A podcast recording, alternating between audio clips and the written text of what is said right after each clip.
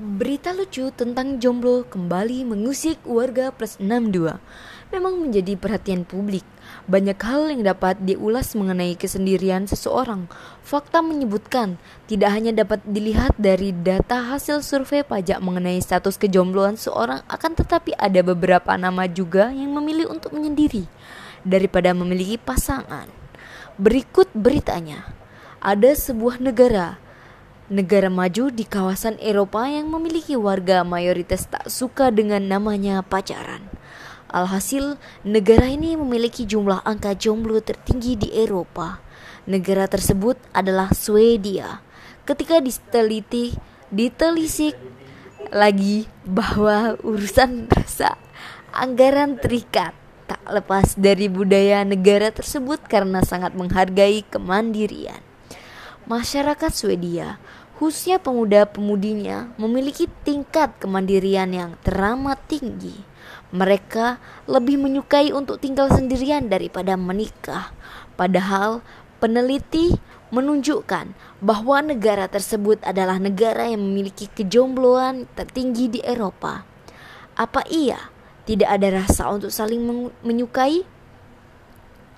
Negara tersebut memang dikenal dengan warganya yang sangat dingin kurang ramah, serta tidak suka bergaul. Namun, sisi baiknya adalah bahwa mereka sangat menghargai privasi orang. Bahkan untuk sekedar mengobrol membahas sesuatu pun jarang. Budaya dalam pernikahan relatif jarang terjadi pada warga Swedia.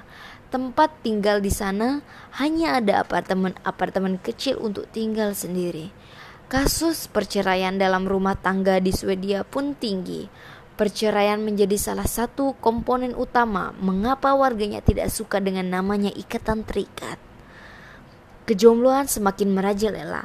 Nah, untuk masyarakat Indonesia yang sudah jomblo bisa mencari pasangan di negara ini pastinya.